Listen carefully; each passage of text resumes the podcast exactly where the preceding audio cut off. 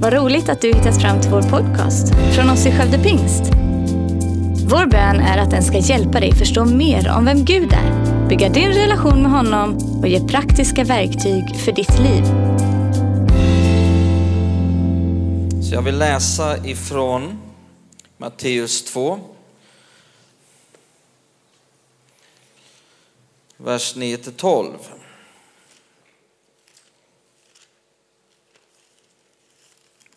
Men låt oss be tillsammans. Fader, vi tackar dig för dina ord till oss. Tack att du är en Gud som talar. Du har till och med befallt att vi ska höra din röst.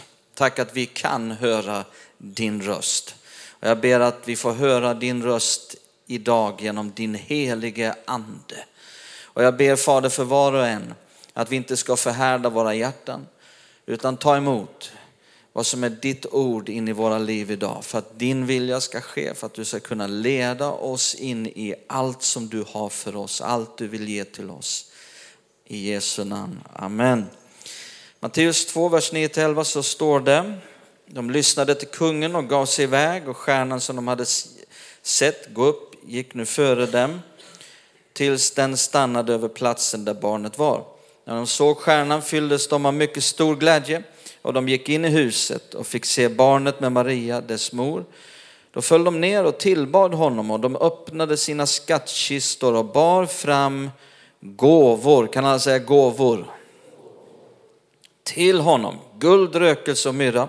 Och sedan de i en dröm blivit varnade för att vända tillbaka till Herodes tog de en annan väg hem till sitt land. Vi befinner oss ju nu i juletid. Nu är det jul igen, sa han som låg under tåget. Och det kanske, det, det kanske är så för en del att de känner sig nästan överkörda. Eh, och en del kanske tänker att finns det ett liv efter julen som grisen? Ska jag överleva det här? Därför att för vissa kan det som skulle vara den mest vilsamma och fridfulla tiden på året var den mest stressiga under hela året. Eh, men julen ska ju på ett speciellt sätt handla om Jesus. När Gud blev människa, när världens frälsare blev född. Eh, men för vissa och för kanske många så handlar det istället på ett speciellt sätt om allting annat. Eh, för en del så kanske det handlar om eh, att få vara generös och ge gåvor och för andra kanske det handlar om att eh, få gåvor. Jag vill få så mycket som möjligt. Men jag tror att vi behöver få en Jesus-centrerad jul. Och det är det jag vill bara fokusera på här en liten stund och vill bara uppmana alla som kommer inom hörhåll att få en Jesus-centrerad jul. Om du känner efter en hel hösts arbete att du behöver få vila, eh, så behöver du mer än någonsin en Jesus-centrerad jul. Eh, om det kan få bli det så, så kan din själ få hämta vila, din ande kan få hämta vila och då kommer din kropp också att känna vila. Eh, och för att det ska bli en Jesuscentrerad jul, vad, vad behöver då till? Ja, vi behöver för det första förstå vad julen handlar om. Eh, det handlar om att det är Jesu födelse. Det är hans födelsedag. Eh, och vem har hört talas om en födelsedag där alla andra får presenter utom den som fyller år? Eh, det var inte länge sedan här, Simon fyllde år förra året, han fyllde 30 år och jag var med på hans födelsedag och tänkte om jag hade kommit dit och presenterat min egen önskelista vad jag vill få. Så för många handlar ju Jesu födelsedag om vad de själva vill få.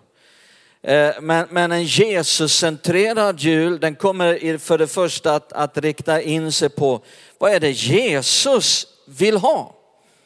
Vad önskar han sig? Vad kan jag ge till Jesus den här julen? Eh, och eh, då kanske någon tänker, ja men Jesus han önskar sig väl ingenting. Om man har allt så behöver man ju, då kan man, man kan inte ge någonting till någon som har allt. Har ni träffat någon sån människa som man säger, vad, vad önskar du dig? Ja men jag känner att jag har allt. Så jag önskar mig bara att du är snäll. Eller något liknande. Eh, så det kan vara svårt. Och Jesus framförallt kan man ju tänka, han har allt. Han eh, saknar väl ingenting. Han behöver väl ingenting. Vad skulle han önska sig? Eh, han önskar sig väl ingenting. Jo då, Jesus har faktiskt en önskelista. Och jag vill att vi ska titta lite grann på Jesu önskelista. Eh, när det blir jul så frågar man sig ju väldigt mycket, vad vill barnen ha? Vad önskar du dig? Eh, och, och, tänk om vi skulle vara lika upptagna med att fundera, vad önskar Jesus sig? Bara stanna upp, liksom. fråga Jesus, vad önskar du dig av mig? Vad kan jag ge till dig? Eh, titta här i Johannes 14 och vers 14 till 15. Johannes 14, så står det vers 14 till 15. Om ni ber om något i mitt namn ska jag göra det. Det vill säga önska dig vad du vill så ska, ska du få det. Är inte det ett fantastiskt löfte? Alltså vilket otroligt löfte det är till våra liv. Om ni ber om något i mitt namn ska jag göra det. Men titta på nästa vers. Om ni älskar mig håller ni fast vid mina bud. Det vill säga, jag är redo att ge, göra allt vad ni ber mig om. Men så säger Jesus, om ni älskar mig håller ni fast vid mina bud. Det vill säga, eh, ni gör allt vad jag ber er om. Så Jesus vill be oss om någonting. Eh, han, eh, eh, vad är det då Jesus ber om? Vad är det han önskar? Ja, vi läste här om de vise männen som kom till Jesus. Och när, jag kan tänka mig att när de var på väg till Jerusalem på sin långa resa, att de, och kanske redan innan de begav sig iväg, att de, de tänkte det, här, det, det, det, är inte vem som helst som ska födas här. De var, de var medvetna om att någon skulle födas. Men de förstod också att det är inte vem som helst som föds här. Det är en kung som föds. Och det är inte vilken kung som helst, det är kungars kung. Och vad ger man till kungars kung? Man funderar ett slag innan man kommer till kungars kung för att ge sin gåva. Eh, och så står det att de, de, de, alltså de gav sitt bästa. Det är det det handlar om. De gav sitt bästa till Jesus. De kom in med guld. De kom in med rökelse. De kom in med myrra. Och vad representerar de här sakerna? Ja, guld, det, det talar om Jesu konungslighet. Rökelse, eh, det är någonting som representerar hans gudomlighet. Och myrra, vad representerar det? Ja, det skulle kunna representera någonting som pekar fram emot hans död. Därför att myrra var en välluktande salva som man smorde den döde med. Och kanske det var någonting som redan här pekade mot att den här kungen, den här som bär gudomlighet, kommer att ge sitt liv. Men vad det handlar om här är att, att visa män, de gav sitt bästa till Jesus. Och jag tror att det är så fortfarande att visa män ger sitt bästa till Jesus. Och vad är det bästa du kan ge till honom då i den här juletiden? Jag skulle bara vilja att vi bara en kort stund här tittar på ordet offer. Bibeln talar mycket om offer och om offergåva, för det har med gåva att göra. Uh, vad kan du då ge som offergåva? Vad kan du offra till Herren i den här juletiden? Titta i psalm 51. Psalm 51.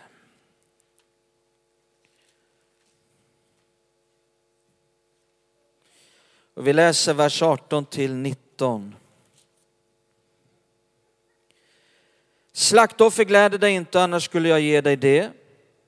Så eh, bry dig inte om slaktoffer nu. Brännoffer vill du inte ha, så du behöver inte köra igång med brännoffer här under julen.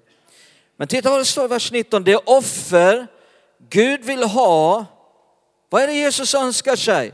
Jo, en förkrossad ande. Ett förkrossat och bedrövat hjärta föraktar du inte Gud. David han skrev den här salmen när han hade begått äktenskapsbrott med Batseba eh, och dessutom mördat hennes man och så kommer profeten in och avslöjar honom och pekar på det här på ett sådant sätt så att eh, David, han fylldes av insikt om sin egen synd så brutalt. Medveten blev han. Eh, så att det fanns ingen gräns för hans förtvivlan över hans fallna tillstånd. Det fanns ingen, ingen gräns för hur extremt bedrövad han var djupt i sitt hjärta över, över hur fördärvad han själv hade blivit. Så han uttryckte allt det här ifrån djupet av sitt hjärta inför Gud med en vädjan om att, att det skulle kunna bli förlåtet, att Gud inte skulle kasta bort honom ifrån hans ansikte. Det är vad den här salmen handlar om. Och när detta får ske med total bortenärlighet, när, när det inte finns, när man har dödat varje tanke på att gå en egen väg istället för Guds väg, när man känner ända in i benmärgen att om Gud inte förlåter så är mitt liv slut. Det är då Gud öppnar sina armar och säger välkommen hem. Det är förlåtet. Och kanske det finns några som den här julen kan ge en sån gåva. För vet du vad? Det är en gåva som Jesus tar emot med glädje. Som han öppnar sina armar för. Det blir ett offer som är välbehagligt inför Gud. Det finns ingen större gåva man kan ge Gud än en förkrossad ande. Det finns ingenting som så skapar en glädje i hela himlen. Jesus sa det att om en människa vänder om så blir det glädje i hela himlen bland alla Guds änglar. Det är fantastiskt. Titta här också i Hebreerbrevet 13 ett annat offer. Vi talar om offergåva.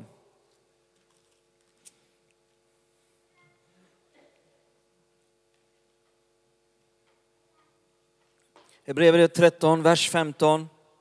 Låt oss därför ständigt genom honom frambära lovets offer till Gud. En frukt från läppar som prisar hans namn. Det här handlar om lovets offer, en, en gåva av lovprisning. Vi talar om en Jesus-centrerad jul. Och tänk om du skulle få in det i centrum av den här julen, eh, ett lovets offer, en lovprisningens gåva av tillbedjan. Ehm, eh, och det står här, låt oss därför ständigt Titta på ordet ständigt. Det handlar om alltid, hela tiden, varje dag. Det handlar om att ge en gåva eh, där man där man kommer in i en livsstil av tillbedjan, inte bara ett enstaka tillfälle utan det handlar om att, att bli och att du är en tillbedjare. Det är att du den här julen säger Jesus, jag vill ge den här gåvan till dig av att bli en tillbedjare.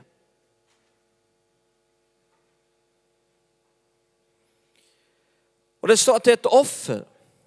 Och offer det handlar ju om att det gör lite ont. Det handlar om att det inte är bekvämt. Det handlar om att, att när du inte känner för det, att ändå ge det. Och kanske det är att när du som minst känner för det, det är då som du som mest behöver göra det. Titta i nästa vers, här kommer ett annat offer. Och glöm inte att göra gott och dela med er för sådana offer behagar Gud. Här kommer den tredje saken på Jesu önskelista. Att dela med sig, att bli generös.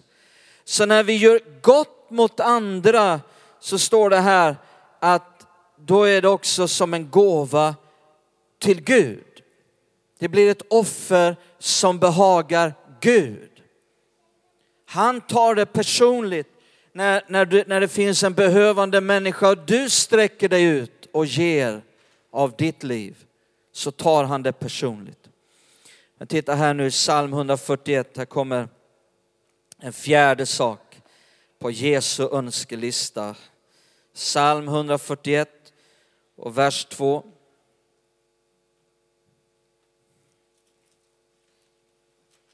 Ja, det här är ett fint bibelställe.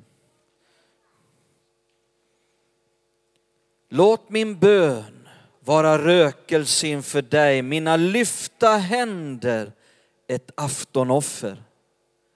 Mina lyfta händer ett aftonoffer. Att du den här julen tar en stund, tar en tid varje dag av att lyfta dina händer. Det, en, det, det, det, det handlar om en Jesuscentrerad jul. Det är, det är ett fantastiskt sätt att, att ge till Jesus det han önskar sig. Tänk om det sista du gör varje kväll nu är att när allting har släckts ner och allting har blivit tyst innan du somnar, bara stilla dig. Vända ditt hjärtas blick till Jesus och lyfta dina händer.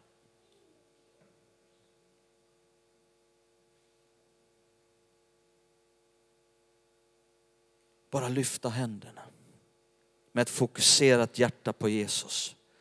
Och märk vad som börjar hända i ditt liv. När det finns lyfta händer. Eller kanske mitt under dagen, dra sig undan bara en liten stund av att lyfta händerna. Och så står det bön. Låt min bön vara rökelse inför dig. Det vill säga Gud han önskar gemenskap med dig. Jesus önskar gemenskap med dig. Och den här julen kan du ge ett förnyat böneliv. Ett förnyat böneliv där vi ger honom vår tid. Du kan ge av din tid till gemenskap med honom. Titta också i Romarbrevet 12 och vers 1. Romarbrevet 12 och vers 1.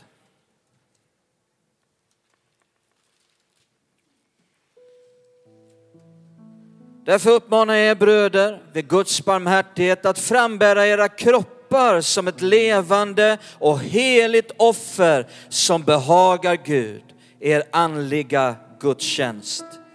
Här står det om att frambära, står det också talas om offer och att frambära era kroppar som ett levande, inte ett dött offer, men ett levande offer. Vad är det Jesus önskar? Han önskar ditt hjärta. Han önskar dig. Han önskar din lydnad. Det står på ett ställe att lydnad är bättre än offer. Och det är någonting som du kan ge den här julen, att ge ditt liv till honom. Att, att allt vad jag är, allt vad jag har, det ger jag till dig Jesus på ett nytt sätt. Jag ger dig en förnyad överlåtelse, en förnyad lydnad. Det handlar om att Jesus han är inte intresserad av alla blinkande och färgglada lampor. Han är inte intresserad av någon rödklädd gubbe som säger ho ho. Han är inte intresserad av en massa klockor som pinglar eller om din fantastiska julgran har blivit extra fin i år. Han är intresserad av dig. Han bryr sig om dig. Han önskar dig. Är inte det fantastiskt att han önskar dig?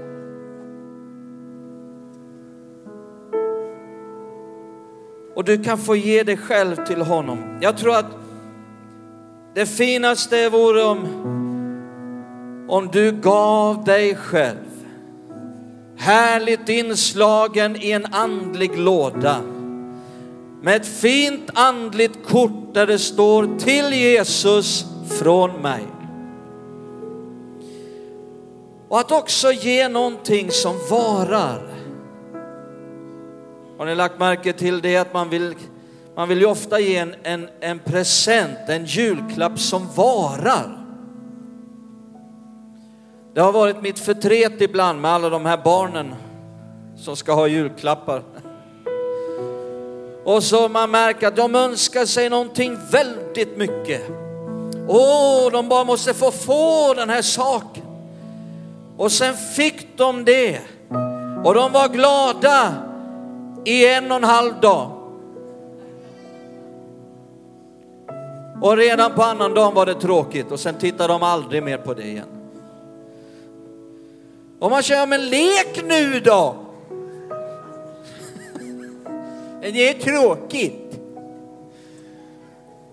Man vill ju hitta någonting som varar lite längre än juldagarna och lite längre än mellandagarna. Så ge till Jesus nu någonting som varar.